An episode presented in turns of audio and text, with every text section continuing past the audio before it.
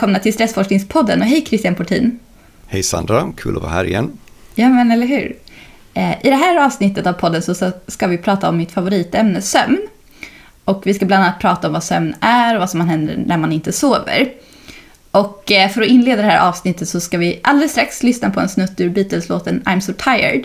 Som ju passar väldigt bra ihop med det vi ska prata om, tycker jag. Eh, och sen efter det så tänkte jag helt enkelt lämna ordet över till dig, Christian. I'm so tired I haven't slept a wink I'm so tired My mind is on the blink. I wonder should I get up and fix myself a drink? No, no, no I'm so tired Jag sitter här med Tina Sundelin som är forskare inom psykologi och sömn. Välkommen Tina! Tack så mycket! Och Sandra, du sitter ju också här. Ja men hejsan, precis. Välkommen igen! Tack! Eh, och som eh, Sandra nämnde så ska vi idag prata om vad sömn egentligen är och om vi vet det. Eller kanske vad vi vet om det. Och eh, vad händer i kroppen när man sover och vad händer i kroppen när man inte sover? Tina, vad händer i kroppen när man inte sover? Eller händer med oss när man inte sover? Inte sover, det händer, det händer en, del, en hel del saker men det absolut främsta som händer är att vi blir trötta om mm. vi inte sover tillräckligt. Och det låter lite, lite banalt att säga kanske för det förstår alla redan men eh, alla, alla andra saker som händer när vi inte har sovit ordentligt verkar bero lite på hur mycket vi sover i vanliga fall, hur, hur lite vi har sovit just, just den gången och väldigt många olika individuella skillnader gällande hur vi reagerar på sömnbrist. Mm. Men det som, det som verkar gälla de flesta i alla fall är att de blir trötta och gärna vill sova lite mer sen. Mm. Och när du forskar på det här med, med sömnbrist, vilken aspekt av, av det skulle du, du forskar inte på själva hjärnan, för det vet jag att Sandra har tittat på vad som händer i hjärnan. Precis. Utan du Tina, kan du berätta lite grann vad du vad ditt intresseområde eller ditt forskningsområde ja, så jag lämnar det här med hjärnan till Sandra mm. och så mm. tittar jag eh, bara på rena beteendemått egentligen. Mm. Eh, och speciellt tycker jag att det är intressant vad som händer socialt om vi inte sover ordentligt. Så sociala aspekter av sömnbrist. Hur, hur funkar vår kommunikation med andra när vi inte har sovit? Hur uppfattar vi andra personer? Hur uppfattar de oss? Eh, ja, allt allt mm. socialt och, och om man inte har sovit. Och hur eh, tar ni reda på det här? Hur mäter ni det här? Först så tvingar vi folk att vara vakna och inte sova tillräckligt mycket. Så då får de antingen vara vakna en hel natt eller så får de bara sova lite för lite ett par nätter.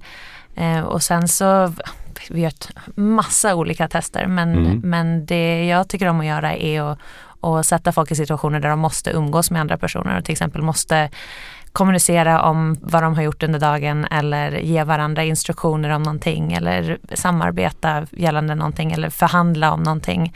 Um, och kanske ja, sen rapportera vad deras intryck var av varandra. Mm. Samt att vi då tittar på hur de kommunicerar och hur effektiva de var och, och om de har um, förstått varandra rätt när de har sagt olika saker.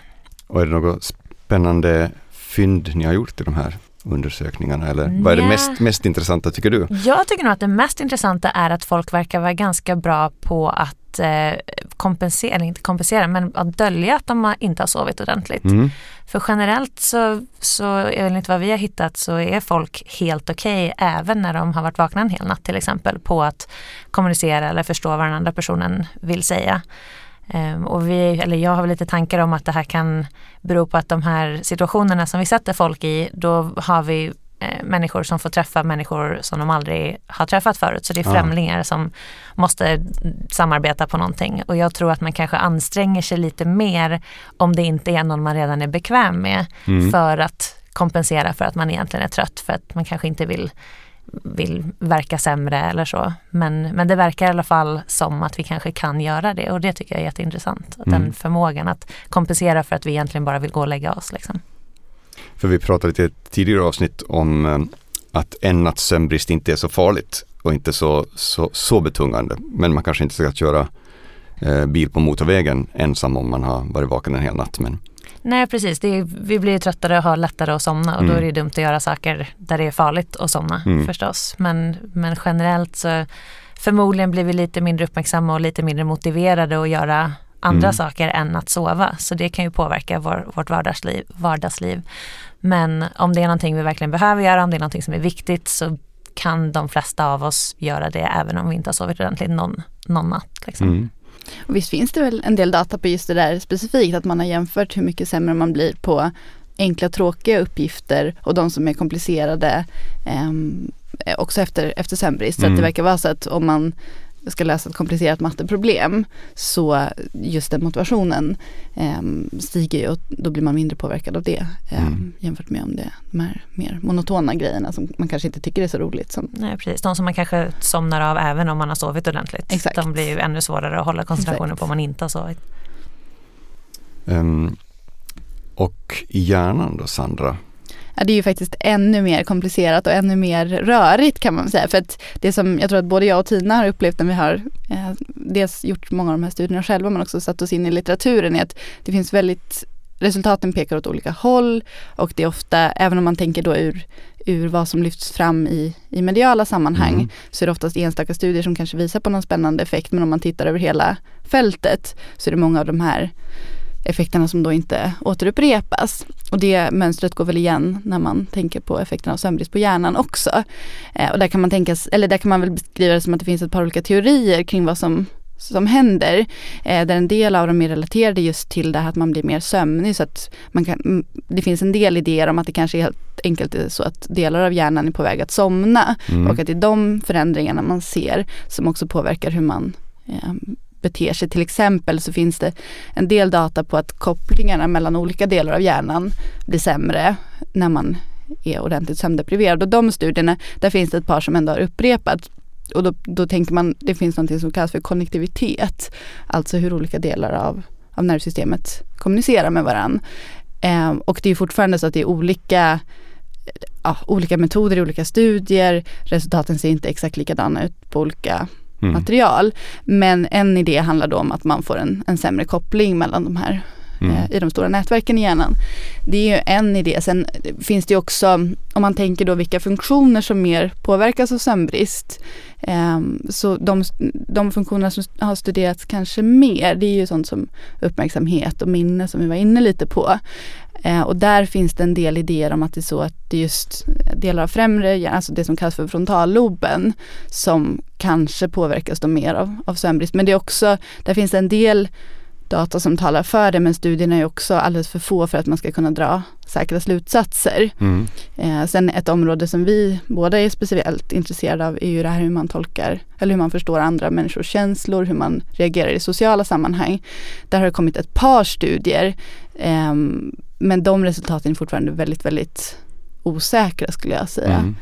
Ja. Sen en annan, förlåt, en mm. annan intressant grej och med just det att det finns studier som visar på olika saker är flera, flera studier som visar på att någonting kanske händer i hjärnan men det märks inte i beteendet. Mm. Eller att någonting märks i beteendet men man ser inga större skillnader i hjärnan. Och de är också ganska svåra att, att koppla ihop och förstå vad, vad är det som händer egentligen ja. och vad är det som händer som påverkar oss så att det märks och vad är det som händer som påverkar oss kanske så att det inte märks och på vilket sätt är det då viktigt om det ändå inte märks vad innebär det? Liksom? Mm. Mm. Nej, verkligen. Där är och det, vi var ju inne lite på det i det här avsnittet när vi pratade om stress och hjärnan. Att det, det är väldigt svårt att jämföra funktion och struktur i hjärnan överhuvudtaget. Vi vet ju inte riktigt vad mm. det hur de sambanden egentligen hänger ihop om man ska vara, om man ska vara ärlig.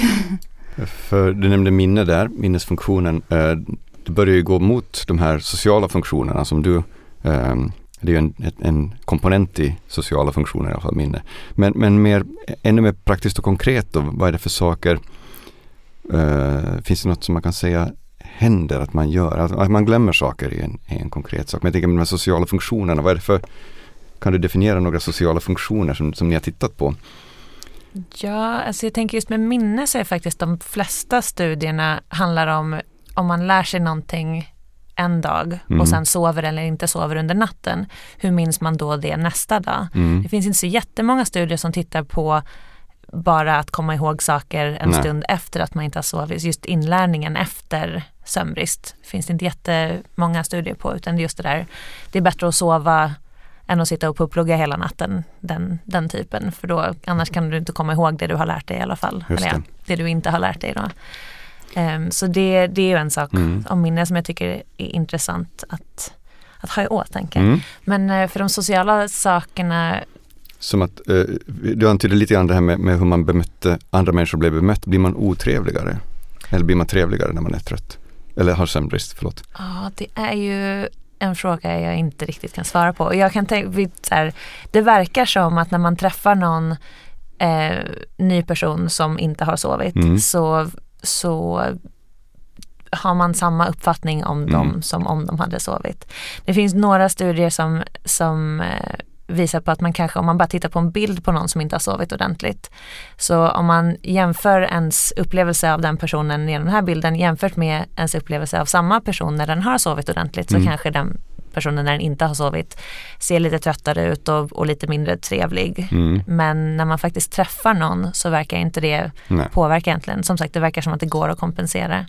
Ehm, och även om man tittar på, på en bild på någon som har sovit jämfört med en bild på någon annan som inte har sovit så verkar man inte riktigt kunna Nej. se skillnad heller. För det finns för många saker som påverkar hur vi ser ut och huruvida vi ser trevliga ut Mm. eller pålitliga eller vad det nu kan vara. Du säger trev, trev, det handlar inte om eh, attraktivitet eller handlar det om, Ja, jo, attraktiv, att, att vara attraktiv och se trevlig Mm. ut går ofta hand i hand. Vi Mm. tror att folk som är attraktiva också är trevliga.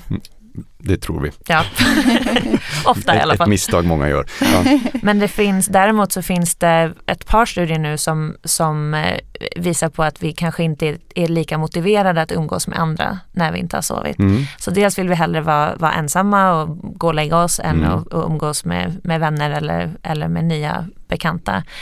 Eh, och dels så finns det i alla fall en studie som, som eh, indikerar att vi kanske känner oss mer ensamma och uppfattas som mer ensamma av andra. Ja. Mm. Men, eh, men det här är inte studier som har gjorts i eh, där folk faktiskt har träffat varandra utan Mm. då är det mer av en teoretisk, skulle du vilja umgås med en person just Ja. nu ungefär. Just det. Och sen finns det ju också de här aspekterna att vi ändå tänker att det finns någon form av effekt av sömnbrist på ganska basala emotionella funktioner, hur man uppfattar emotionella stimuli och på det sättet, även om den litteraturen är också rätt spretig. Men det verkar vara så att, att det ändå finns, eh, efter att inte ha sovit så kanske man inte uppfattar ett Ja, om man ser en bild av någon, någon stark emotionell händelse på exakt Mm. samma sätt som om man eh, har sovit normalt. Och om man då i förlängningen så kan ju det kanske ha betydelse då också för hur, man interagerar när man inte har sovit. Mm, Eh, och okej. även förmågan hur man kan, kan reglera sina eh, responser, alltså hur man reglerar hur, hur man reagerar på någonting som är emotionellt eller väldigt känslosamt. Så. Mm. Ehm, Så man kanske reagerar starkare både på positiva stimuli eller positiva saker som händer och negativa saker. Så att precis. om man pratar med någon som är väldigt trevlig kanske man tycker extra mycket om den personen eller skrattar extra mycket. Och tvärtom om det händer någonting som, om någon säger någonting ilsket så Mm. kanske man reagerar extra starkt på det. Men det, just det, den sociala aspekten av den här emotionsregleringen finns det inga studier på än. Nej, Vi kanske precis. får göra en sån studie Ja men det tillsammans. tycker jag. Låter bra. Och den stora frågan då vad sömn är, vet man det nu till slut? Vet vi vad sömn är? Ja, det, var, var ska Vi man har- börja? Vi har ju en definition av sömn. ja. Ehm, eller ja, en definition, men Mm. vi har ju så här, när man sover så ska hjärnan bete sig på det här sättet för att vi ska kalla det för sömn. Mm. Ehm, så att ja, det, på så sätt vet Mm. vi vad sömn är. Mm. Och sen vad, det finns ju den här eviga frågan om varför vi sover. Mm. Och den är ju ganska svår att ge ett rakt svar på för det finns förmodligen flera anledningar. Det, det verkar ju som att det är nyttigt att sova eftersom alla djur så vitt vi vet Mm. Gör det på, på ett eller annat sätt. Eh, och det finns en massa saker som är bra med att sova. Det finns en massa negativa saker som verkar hända om vi inte sover, i alla fall över längre tid. Men, men att säga att sömnen är till för en av de här sakerna. Mm. Jag tänker att det blir lite, lite väl reduktionistiskt. Mm. Alltså, men det, kan ju, Mm. det är ju fullt möjligt att, att det är viktigt och bra och nödvändigt för en massa olika saker. Många system i vår Ja, och det kropp verkar ju som- som mm. att det är så det är. Och sen finns det ju teorier om att, att man behöver sova för att man minskar temperaturen i hjärnan eller Mm. man rensar hjärnan på, Mm. på dåliga saker som inte ska vara där. Och allt det kan ju vara sant samtidigt. Mm. Liksom. Och det kan ju, och det, det är väl en del som tror att det är sannolikt så att sömnen utvecklades för en eller ett par av de här funktionerna när vi var väldigt enkla organismer med Mm. bara ett par celler i vårt nervsystem. Och sen så efterhand så har man liksom tagit nytta av det faktum Mm. att vi sover för att kunna hänga på fler, fler funktioner. Mm. Ehm, vilket jag tycker i alla fall är ett intressant sätt Mm. att se på det. Absolut. Mm. Ehm, och det hänger ju också ihop med, med om man, man kan ju visa att även eh, det här som du var inne på, hur man ska definiera sömnen. När vi pratar om hur man sover, att man sover då utifrån en, en mätning med det som kallas för EEG, Mm. alltså elektroder som man har på hjärnan. Då kan vi ha en, en eh, definition som utgår från hur hjärnvågorna ska se ut ehm, och på så sätt definiera sömn. Men man kan ju också tänka sig, det finns ju andra sätt att definiera som är lite mer utifrån att det är ett tillstånd när man inte eh, när man inte är responsiv och inte svarar på yttre stimuli och att det också är en skillnad i medvetandegrad. grad.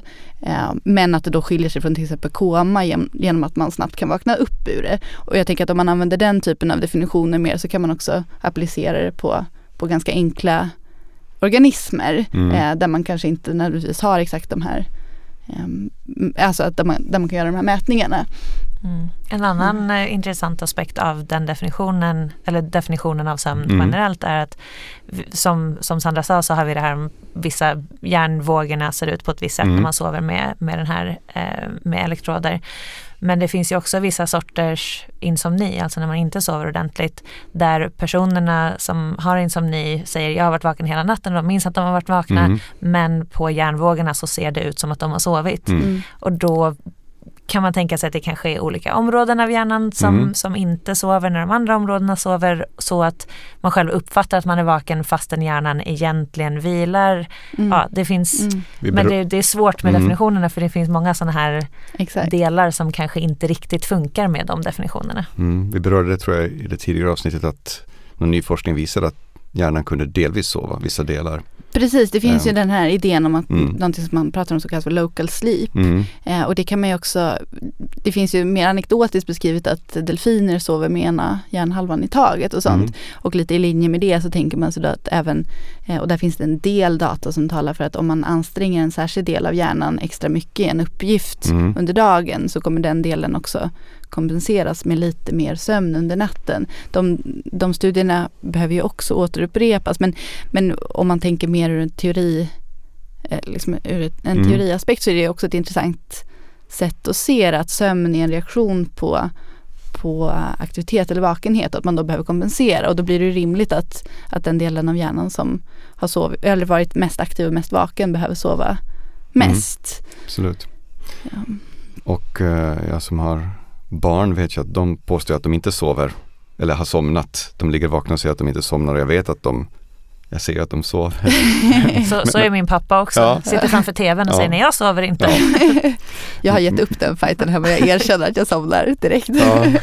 Men, men också den där känslan av att, eh, som jag försöker berätta för dem, men, men det är kanske är en liten del som är vaken och som håller koll på det, som du tror att du är Mm. vaken, men resten sover så att du får bara släppa taget för den sista delen och somna in. Men det är som du beskrev om insomnipatienter. Mm. Det dels och dels också att det kan ju ta, precis som när man sover, om man vaknar under natten så Mm. kan det ta ett tag innan man är medveten om att man är vaken och innan man behöver vara vaken en förhållandevis lång stund för att minnas att man har varit Mm. vaken. Mm. Och det kan ju vara samma sak åt andra hållet att när du somnar så måste du nå en viss, ett visst sömnstadie eller varit som, sovit en, en viss tid innan du inser att du har sovit för Mm. att de delarna kanske inte, inte har somnat än, Mm. precis som du säger. Det är spännande. Du pratar om... Jag tänker också bara ja. en annan aspekt på det där är att eh, man har ju gått lite generellt från att tro, eh, som man kanske trodde mer förr i tiden, att, att sömn var någonting som kontrollerades från enstaka regioner i hjärnan. Att Mm. det var, fanns liksom ett sömncentrum och ett vakenhetscentrum och att det är de som helt och hållet styr. Mm. Till att tänka att, eh, att hjärnan kan nog själv eh, organisera sig i sömn eh, med en del reglerfunktioner men att det är, det är en, en mycket mer generell funktion än vad vi har trott tidigare. För det kan man också se till exempel patienter som har haft stroke Mm. där en stor del av hjärnan har blivit dysfunktionell. Att oavsett var den här stroken har varit någonstans så kommer de ju, så länge, så länge man överlever, så kommer man på ett eller annat sätt sova. Mm. Eh, vilket jag också tycker är intressant om man ska försöka förstå vad sömn är för någonting. Ska man kunna säga att sömn är en slags underhållsläge för hela vår organism? Det är definitivt en, en Mm. av teorierna, Mm. absolut. Ni pratar om EEG och elektroder. Det är alltså så ni mäter sömn. Skulle ni kunna förklara för någon som inte har upplevt elektroder på sitt huvud det, hur en sömnmätning går till? Då eh, ofta så, så sker de här undersökningarna i ett sömnlabb så då kommer du in till labbet och så får du träffa någon som, eh, som sätter på ja, elektroder helt enkelt Mm. och en liten eh, Det är små kräm. metallbitar med en Ja. sladd i. Ja, Mm. det är en, det är en bra beskrivning. Mm. Eh, och de här skickar ingen ström eller sånt där utan de Nej. mäter bara, de plockar upp aktiviteten i din hjärna och, Mm. och mäter den. Och då får du en liten, liten kräm som sätts på metallbiten, Mm. och mell- eller mellan metallbiten och ditt, eh, huden på ditt Mm. huvud. Och så ofta beroende på hur Ja, det finns lite olika antal elektroder man kan använda men den enklaste egentligen de brukar man använda åtta stycken elektroder Mm. på huvudet. Då har du ett antal på huvudet och sen så har du en vid vardera öga och en på vardera sida av, av kinden eller vardera kind. Mm. Ehm, och de här elektroderna på huvudet de mäter då hjärnaktivitet och de här runt ögonen mäter hur ögonen rör sig för att man ska kunna se eh, vilken, vilken sömnstadie du är i. Till exempel så finns den här rapid eye movement eller Mm. REM-sömnen och då rör sig ögonen på ett visst sätt och det hjälper till att, att säga ja men det är den här, det här, den här, Mm. sömn, det här sömnstadiet. Eh, och de här som sitter på kinderna de eh, hjälper till att ge information om hur stor muskelaktivitet vi har. Så att när man sover så är man egentligen förlamad och under djupare sömnstadier under REM-sömnen så är man ännu mer förlamad Mm. än under lättare stadier. Så det hjälper också till att, och, när man ska definiera vilken, vilket stadie man sover i så kan man använda sig av den här muskelaktiviteten och av ögonrörelserna och av de här hjärnvågorna. Just det. Och eh, man behöver inte raka bort sitt hår. Nej, men det är väldigt mycket lättare att sätta på elektroder på folk som, som har mindre hår. Mm. Det, men det, det behöver man inte och det här, den här krämen går att tvätta ut Mm. efteråt. Och andra änden av de här eh, kablarna, var är de inkopplade i? De är inkopplade i en eh, liten eh, maskin Mm. som i sin tur är kopplad till en dator Mm. där det körs ett program som, som visar de här, som visar hjärnvågorna och ögonrörelser och sånt. Och spelar eh, in i- det. Ja, precis, Mm. och spelar in det. Mm. Och det här kan man göra både, alltså vi gör ju det här dels i forskningssammanhang men man kan ju också göra sömnmätningar eh, i vissa sammanhang i kliniken Mm. om det är så att man ja, vill utreda en sömnstörning och ofta så handlar det om de här patienterna med sömnapné. Och då lägger man ju också till en syremätning eller liksom Mm. mätning av syreupptaget i blodet så att man får en uppfattning om, om det under tiden. Och även andningsband Ja. då. Mm. Så man har ett, ett band över bröstkorgen och ett Mm. band, band över magen som, som mäter hur, ja, när man andas, hur Ja. magen och bröstkorgen går upp och Mm. ner. Liksom. Sandra, du jobbar ju eh, delvis inom psykiatrin när du inte är podd, Precis. poddare. Eh, finns det några andra, ja. kopplingar eh, mellan sömnbrist och eh, psykiska sjukdomar? Ja, det får man ju säga att jag, och det, det, det där är ju, dels är det ett av mina huvudintressen får man väl säga. Och dels så är det ju jättekomplicerat. Mm. För att om man, det svåra är egentligen att skilja ut vad som är vad i sammanhanget. Om man går in, eller om man tittar på patienter överlag inom psykiatrin så finns det en del data som tyder på att över 90% av alla psykiatriska patienter har en sömnproblematik. Mm. Ehm, och är det så då att den kom först och sen orsakade något annat eller är det så att de andra Mm. psykiatriska sjukdomarna orsakade sömnbrist? Och där finns det, det finns en del, det finns ganska mycket data som talar för att en långvarig sömnstörning ändå kan orsaka vissa typer av psykiska sjukdomar, framförallt depression. Mm. Men det är också så att sömn, på, alltså sömnstörning är ett symptom på depression. Eh, så att sannolikt är det så att de där sambanden kan gå åt olika hållen. Eh, det finns en del patienter där det här kanske är extra tydligt eh, hos till exempel patienter med bipolär sjukdom där man ser att det oftast är så att deras då maniska skov, alltså när mm. de är väldigt aktiva, att det föregås av, av väldigt kort sömn eh, istället. Um, så att det finns absolut en koppling där och det är också så att um, det, det, är en av de saker som psykiatriska patienter klagar eller som de besväras mycket av, mm. just sömnen. Um, så, så, absolut finns det en koppling och det är nog också så att vi kan komma ganska långt när det gäller behandling av de här sjukdomarna ifall vi förstår vilken roll sömn spelar och hur man ska förhålla sig till sömnen. Mm. Där. Vi lyssnade på låten I'm so tired som John Lennon skrev eh, till Beatles. Um, och där så säger han, förutom att han är trött, ska jag kliva upp och fixa mig en drink. Och eh, jag tänker att han vill ta ett glas alkohol av något slag. Um, hur funkar det med sömn? Är det en bra kombo? ja, det kanske på vad du ska göra. Det är aldrig en bra kombo tänker jag. Ja. Eh, vi ska inte sitta här och rekommendera att man dricker alkohol Nej, men skulle, skulle John Lennon somna lättare, tror man? Om. Möjligtvis. Det, det, finns ju lite tecken, tecken men eh, lite studier på att man kanske somnar snabbare eh, om man har druckit lite alkohol. Däremot så, så är det inte nödvändigtvis så att man sover bättre när man väl har somnat. Eh, och jag tror att liksom en, en drink gör nog ingen jättestor skillnad beroende mm. på hur, hur stor drinken är. Mm. Eh, men men det, det, är möjligt att, det, att, att John Lennon skulle somna lite snabbare mm. men det är mm. också möjligt att han inte skulle sova så gott. Nej. Nej. Och det är ju sannolikt inte en behandling som skulle funka i längden. Nej, nej. nej precis. precis. Eh, men däremot om han skulle vara vaken efter att han hade druckit då är det inget vidare för just kombinationen alkohol och sömnbrist eh, gör ju att dels uppmärksamheten och, och förmågan att hålla sig mm. vaken och pigg och alert blir lite sämre.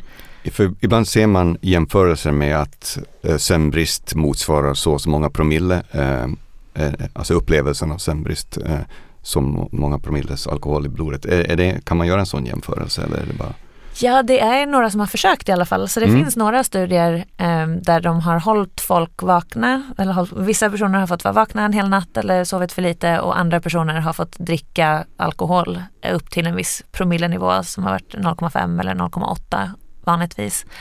Eh, och sen får de här personerna köra, inte på vägen utan i en körsimulator så att mm. de inte faktiskt ska krocka med någon.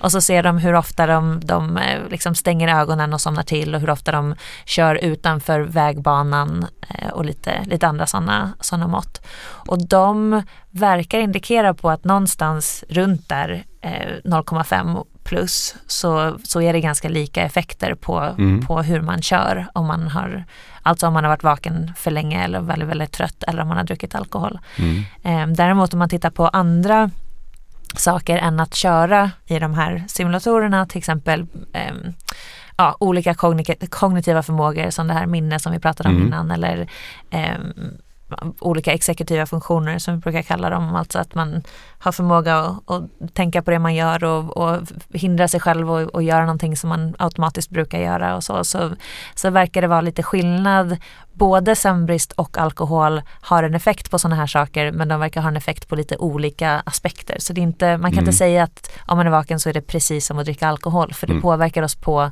påverkar våra förmågor på lite olika sätt. Men om man ska ut och köra så kan det finnas en liknande, mm. liknande aspekt. För när du kör, det enda du gör är ju att är uppmärksam på vägen. Mm. Eller förhoppningsvis.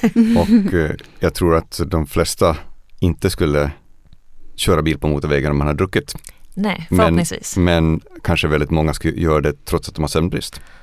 Ja, det, ja mer, mer än vad som borde kanske i alla fall. Ja, precis, och jag tänker det... mig också, för det är det när man druckit alkohol, då vi speciellt i Sverige så finns det ju en viss liksom, medvetenhet om det här och det är mm. en, lite av en stigma egentligen att ja, du dricker ett glas vin så ska du inte köra mm. efteråt. Även om du kanske ligger under den lagliga mm. promillehalten men det är bara någonting man oftast inte gör. Mm. Eh, medan om du har sovit lite dåligt eller om du har jobbat natt, om vi ska koppla det till mm. er mm. mm. skift, skiftarbetespodd, så är det nog ganska många som, som vill köra hem efter det mm. skiftet eller som säger jag sov lite dåligt men jag är inte trött just nu så det är klart att jag klarar att köra vart jag nu mm. ska. Eh, och så tänker man inte på att just vid sömnbrist, om du gör någonting som, som Sandra nämnde innan, någonting som är tråkigt eh, och eh, ja, långtråkigt och mm. monotont mm. så blir du ännu mycket mer tröttare. Så även om du känner dig pigg när du sätter dig i bilen, tio minuter senare mm. så kan det hända att du är så trött att du somnar till eller att du inte uppmärksammar när någonting händer. Vi har ju, vi har ju fin utrustning eh, som man kan se hur mycket promille man har ganska snabbt.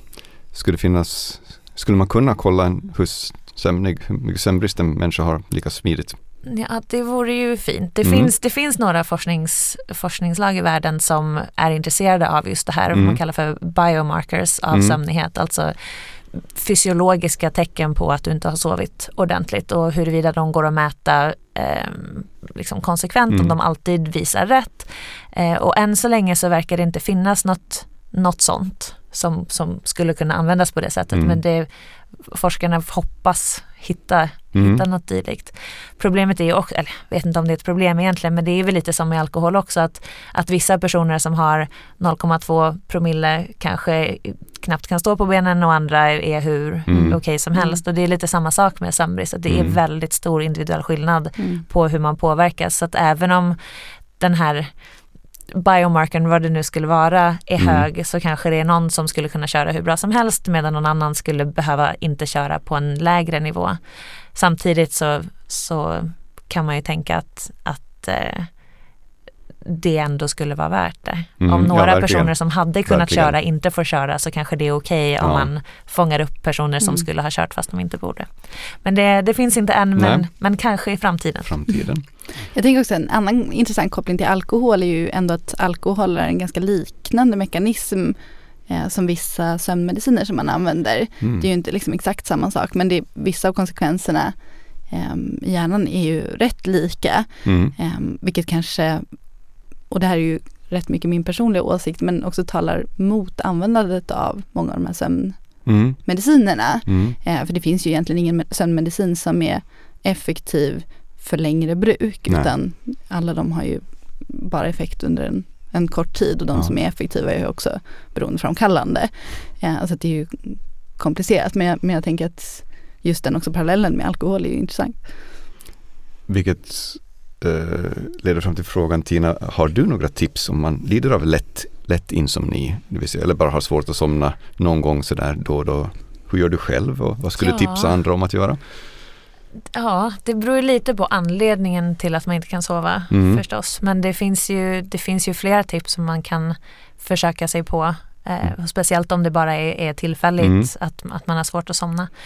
Um, en sak är att, att, jag vet ju själv att, att många ofta sitter uppe och kanske sitter framför datorn mm. eller tittar på ja, ljusa skärmar, tittar på filmer som är spännande eller vad det nu kan vara. Uh, och alla sådana saker gör att man känner sig piggare. Så om man ska gå och lägga sig direkt efter det så kan det vara svårare att somna och då är det kanske bättre att en timme eller två innan man har tänkt gå och lägga sig ha det mörkare mm. i sitt hem för ljus är också en sån sak som man blir piggare av. Mm. Um, ha det mörkare, inte göra så aktiva saker, kanske läsa en bok med, med en liten sänglampa eller så för att, för att varva ner i god tid. Um, Mm. Och sen det här, många vet jag också ligger, de går och lägger sig, de kanske somnar framför den här filmen i tvn och sen går de och lägger sig och då är de klarvakna för att börja tänka på allting de ska göra imorgon eller allting mm. de inte gjort under dagen eller ja, börja, börja grubbla på saker. Eh, och en sak som, som jag tycker hjälper är att om det är någonting som så, oh, jag måste ju fixa den här grejen för jobbet imorgon, jag måste tänka på den här saken, att då kanske skriva ner det, tänd, tänd lampan och skriv ner det och mm. skjut upp det till morgondagen. För det är ingenting du kommer göra nu precis innan du ska sova i alla fall. Och om du skriver ner det så har du liksom lagt det någon annanstans och i så fall kanske du kan, mm. kan släppa det för nu och ta, ta, ta, ta itu med det imorgon istället när du är lite piggare och kanske mer, mer på topp. Vi ska ju prata lite med Li sen också som, Mm. som är sömn, eh, eller sömnbehandlare faktiskt. Mm. Och en av, de där, de, en av de viktigaste aspekterna, och det måste vi ju prata med henne om också, är ju det här att man inte ska associera sängen med att inte kunna sova. Så att om man ligger i Mm. sängen och inte kan sova så är det ju bättre att man går upp. Mm, Eh, men det tänker jag att vi frågar henne om Mm. också. absolut. Mm. Och jag tänker det här är speciellt då om, om det händer ofta. Ja. Att man inte kan somna. Är det någon enstaka natt så kanske det inte är i hela världen. Nej. Men just som du säger om, man inte, om det inte Mm. räcker med att skriva ner det, Mm, mm. det här som man grubblar på, man bara ligger och vrider och vänder Mm. på sig så är det ju mycket bättre att gå upp och sätta sig i soffan och läsa den här boken kanske. Exakt. Eller så tills man blir trött. Ja. Liksom. Vi ska strax släppa en liv, men jag tänkte fråga en sak. Jag ser att många tillverkare av eh, mobiltelefoner och uh, bärbara datorer och sådana skärmar har ett sånt natt, sånt blue light-läge eller någonting sånt som man påstår inte ska hålla en vaken då. Eh, finns det något belägg bakom att det ska vara bättre? Eller är det fortfarande dåligt? Alltså det finns ju inte jättemycket forskning på skärmar Nej. före, före kvällen. Det finns alltså experimentella studier. Men vi vet att blått ljus och allt ljus egentligen, men främst blått ljus hjälper till att ställa vår dygnsrytm. Mm. Så om man har mycket blått ljus på morgonen så blir man piggare på morgonen och Mm. mer av en morgonmänniska. Har man mycket blått ljus sent på kvällen så kan det liksom skjuta den här dygnsrytmen framåt så att man blir mer av en kvällsmänniska. Mm. Så om man generellt har svårt att gå och lägga sig på kvällen och svårt att gå upp på morgonen så kan det vara bra att, att minska det Mm. blåa ljuset på kvällen och istället få mycket blått ljus på, på förmiddagen. Ehm, och så på så sätt så, så kan det ju hända att, det, att de Mm. här blåa ljusen eh, eller minimeringen, minimeringen av blått ljus i skärmar, det, det är nog inte negativt Nej. i alla fall. Med det sagt så är det ju så att allt ljus Mm. gör en piggare eller liksom uppiggande. Så att om man vill försöka varva ner och, och Mm. gå och lägga sig, vad trött man går och lägger sig så är det bättre att inte ha en massa ljus oavsett våglängd. Mm. Ehm, Så att man, oavsett om man har den här night mode Mm, eller, mm. eller så, så kan man kanske sänka ljuset till det allra minsta om man absolut behöver titta på telefonen eller datorn eller så en stund innan man ska sova. Och som du sa tidigare, ta en paus från skärmarna. En till två timmar innan du lägger dig. Ja, helst. Helst rekommenderar vi. Tack så hemskt mycket Tina. Tack. Eh, och då, ja tack Sandra än så länge. Så släpper vi in Li Precis. som ska berätta lite grann om sömnbehandling av barn och unga. Exakt.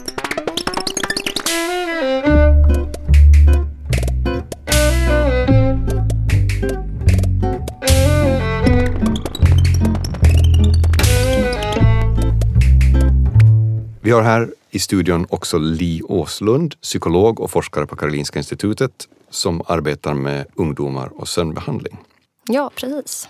Jag har eh, barn som snart blir ungdomar och att få dem i säng kan vara ett problem. Men är det ett sömnproblem? Ja, alltså, ja, du är inte ensam vill jag börja med att säga, som vi psykologer alltid säger för att Mm. Lugna. Tack. Eh, nej men det är faktiskt så att det är många ungdomar som har svårt med sömnen och vi ser att ungefär 10% av ungdomar generellt i, i befolkningen uppfyller kriterierna för det vi kallar för insomni. Mm. Och det är alltså den mest vanliga sömnstörningen att man har svårt att somna framförallt och att man kanske vaknar under natten och har svårt att somna om och så Mm. vidare. Men man har också sett att, att upp till 16% av ungdomar kan uppfylla kriterierna för det, det som vi kallar för förskjuten dygnsrytm. Och det är ju det här med att man, ens egen dygnsrytm inte passar med samhällets dygnsrytm. Så det här är ju ungdomar som ofta är uppe länge på nätterna och kanske spelar tv-spel eller datorspel och, Mm. och sen inte kommer iväg till skolan. Så att vi ser båda de här grupperna i det kliniska arbetet faktiskt. Och hur kommer man till rätta? Ja, alltså det som, det som är det mest effektiva för att behandla sömnstörningar hos vuxna som man har gjort mest studier på det är det vi kallar för kognitiv beteendeterapi. Och det är alltså den rekommenderade behandlingen Mm. för vuxna. Och det handlar ju då om att man ska främja beteenden som är bra för sömnen och att man minskar, minskar på beteenden som är sömnstörande. Så till exempel, man ska inte ligga i sängen utan att sova eller eh, man ska inte hålla på att ta långa sovmorgnar och sova på eftermiddagen och så. Om man har en sömnstörning så att säga. Ligga i sängen utan att sova, hur, hur menar du då? Ja, man har sett att en av de mest effektiva interventionerna i sömnbehandling, och nu pratar jag som sagt om om man har ett sömnproblem. Ja. Om man inte har det kan man göra i princip vad som helst. Men eh, om man har ett sömnproblem så ska man se till att sängen är väldigt starkt förknippad med sömn. Och om det är så att man tillbringar väldigt många timmar i sängen utan att sova, då blir snarare sängen förknippad med vakenhet. Och då hjälper vi inte de här beteendena mm. och, och, att sömnen kommer så att säga så fort man lägger sig. Utan tvärtom så blir man då pigg istället när man lägger sig. Och om man ligger där och vrider sig? Mm, precis, då rekommenderar ju vi att man går upp ungefär mm. efter 15-20 minuter. Och att man hittar på någonting annat tills man är trött igen. Men inte bara spela tv-spel då förstås? Alltså, det viktigaste är att man verkligen kommer upp ur sängen. Ja. Eh, det är det absolut svåraste. När vi har vuxna i behandlingar så brukar många vuxna ha väldigt svårt att göra det här för man ligger liksom ändå kvar. Mm. Och om det är så att det enda som får upp dig ur sängen det är att du sätter på ett tv-spel, då är det helt okej. Okay, för den här interventionen bygger på att du går upp klockan sex eller sju på morgonen ändå. Ja. Så det är lite vilket som egentligen vad du sysslar med på natten, bara du kommer upp på morgonen. Och har du varit uppe hela natten och spelat dataspel eller tv-spel och ska gå upp sju, då är du rätt så trött när kvällen kommer och du kommer somna snabbare. Så att um, det är egentligen okej okay att du gör mm. vad du vill så att säga, bara du kommer upp. Men fungerar det också för de här ungdomarna, eller vuxna för den delen, som har en förskjuten dygnsrytm? Det är svårare där, därför där behöver man ofta behandla med antingen eh, melatonin, då som är det här vi kallar för mörkerhormonet som kanske inte eh, finns i tillräcklig mängd eller den utsöndras för sent i kroppen. Men eh, vi har också, det, man har också sett att ljusterapi på morgonen kan vara ett bra sak. Så här, då handlar det ju mycket mer om att, så att säga, eh, skjuta tillbaka dygnsrytmen, att eh, förflytta den till en mer passande eh, natten till en mer passande tid istället för att, att man sover på dagen. Eh, så att det här är framförallt det vi jobbar med KBT är framförallt insomni. Just för Jag kommer att tänka på en annan grej kring det där. Jag vet att i USA så har man gjort en del sådana här försök att man i vissa delstater har senare lagt skolan. Mm. Just för att man mm. vet att ungdomar tenderar att förskjuta sin mm. sömn tid mm. och man då har fått bättre skolresultat. Eh, kan det vara så att vi ibland försöker behandla någonting hos ungdomarna som egentligen är ett problem i skolan så att säga? Skulle det vara bättre att ja. börja senare Ja, kanske? många säger ju det att man skulle kunna börja kanske vid tio tiden snarare än åtta. Mm. Och att det skulle just i, just i tonåren vara bättre för ungdomarna. Men då handlar det om att ungdomar har en, en något förskjuten dygnsrytm. Så att, säga. Mm. att man ofta förskjuter den lite under tonåring snarare biologiskt. Mm. Än att man eh, så att säga eh, ytterligare förskjuter det här genom att sitta uppe på nätterna och, och få väldigt mycket blått ljus på natten men väldigt mm. lite på dagen eller på mm. morgonen. Så att det så att säga, jag tänker att när man, eh, när man har de här beteendevanorna som många ungdomar har så, så att säga amplifierar man ju de naturliga förskjutningarna som sker i tonåren och det är ju inte alltid bra. Men jag tänker att jag tror många ungdomar skulle må mycket bättre av att ha en något senare skolstart. Mm. På morgonen, det tror jag verkligen. Och det är någonting som väldigt många ungdomar också efterfrågar. Mm. Um, men kanske inte lärarna då, som måste jobba senare på dagen. Så att vi har ju liksom flera olika åldrar som ska komma överens om vilka tider som ska gälla. Ja, men det är lite som det vi har pratat om tidigare i den här podden. Att man kan ju inte lägga allt ansvar på individen. Utan mm, det, det, handlar ju både om ett samspel mellan individen då såklart och samhället i stort. Ja, absolut. Li, du arbetar också med något som heter e-hälsa. Ja. Vad är det för någonting? Ja, det är e-hälsa. Oj, det är ett väldigt vitt begrepp. Det jag gör när eh, jag arbetar är framförallt med internetbehandling. Mm. Så jag eh, arbetar med internetbehandling av ungdomar med sömnproblem och då är det en eh, KBT-behandling på nätet som, som vi erbjuder i den forskningsstudie jag jobbar med. Så det handlar inte om hur dina datorer mår. Nej, precis. Även om jag ibland undrar hur mm. de mår kan jag säga. Men eh, eh, det, är, det är att använda sig av de digitala tekniker vi har för att få till behandlingar som både accepteras av ungdomar men också är verkningsfulla. Mm. Och det fungerar bra? Än så länge tycks det som att det fungerar bra. Hos vuxna har man ju sett att internetbehandling är lika effektivt som så att säga, behandling live. Mm. Eh, och det som är fördelen med internetbehandling är ju dels att ungdomen kan genomföra den när som helst. Det vill mm. säga man måste inte komma vid speciella tider. Men också att jag upplever att det finns en annan typ av, av kontinuitet i kontakten. Man kan skicka meddelanden till varandra under veckan. Och ungdomar kan ställa en fråga när den så att säga, uppkommer istället för att man konstruerar ett tillfälle med en timme i veckan där alla frågor frågor ska komma upp. Så att det finns, jag, säger, jag ser fördelar faktiskt med internet Mm. ur den aspekten. Ja, ser ut som ett framtidsverktyg för psykologer och behandling i allmänhet kanske. Ja, det tror jag absolut. Och gällande barn och ungdomar så tror jag det kommer bli ett måste för oss inom psykiatrin att, att utveckla behandlingar inom de områdena där och med de tekniker som ungdomar och barn använder. Tack. Ja, Christian. Det här var ett lite speciellt avsnitt som vi spelade in för mer än ett år sedan. Eh, men av olika anledningar så har ju inte klippning och annat blivit färdigt förrän nu. Eh, och eh, en annan sak som har hänt sedan inspelningen av det här avsnittet är ju faktiskt att du har skrivit en låt som blev inspirerad dels av, av Beatles-låten som vi lyssnade på i början, men kanske också lite med samtalet med mig och Li och Tina, vill jag i alla fall tro. Kan du berätta vad låten heter? Uh låten heter Jag är så trött och eh, vi funderar lite grann på om vi skulle eh, göra något extra för, för det här avsnittet. Eh, så jag tänkte att jag, precis som du sa, inspirerades av Beatles låt och gjorde en elektronisk låt på samma tema. Ehm, och eh, jag eh, gick ju in i den här den den maniska tröttheten som, som jag tycker Lennon illustrerar så bra. Samtidigt som det finns ju eh, en tydlig anledning att han tycks ha en liten hang-up på en, på en kvinna som han försöker Precis. nå och vill få, få respons från. Så jag försöker ta, ta det elementet och göra min lite kanske avslagna elektroniska tolkning av, av den eh, känslan. Just det, var det några särskilda delar av texten eller någon särskild del av musiken som du fångades av extra? Sådär? Eh, nyckelgrejen som jag fastnar vid det är ju att, jag menar upprepandet av, av att man är så trött men också att man skulle ge allt verkligen för att få, få lite ro, den här längtan efter, efter, efter stillhet eh, som sömn och ger. Sen tänker jag en, en av eh, nyckel... Ehm, eh, ja, en av kärn, kärnan i min låt tycker jag är det lite euforiska eh, partiet som kommer mot slutet som egentligen är, som man kan då se som att man har fått den här ron eh, eller också att man är totalt överpsykad och hjärnan bara kör på när man inte får sova. Just det. Ja, det ska bli alldeles, väldigt spännande att lyssna på låten alldeles Mm. strax. Ehm, men jag tänkte bara, det här med eh, översäkring, tycker du att det, var, var det lätt att fånga det i själva musiken och inte bara i texten?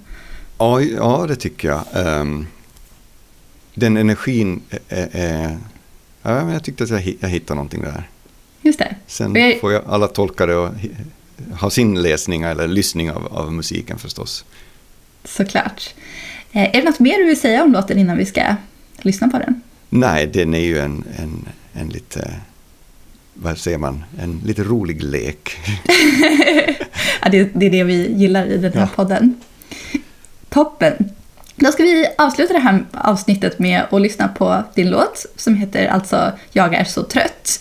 Eh, Men innan vi lyssnar på den så vill jag bara säga tack till dig Christian eh, för det här avsnittet och sen nu lite i efterhand då så vill vi såklart också en extra gång tacka Li Åslund och Tina Sundelin som var med. Ja, tack till er alla, så hörs vi snart igen. Det gör vi. Hej då! Hej!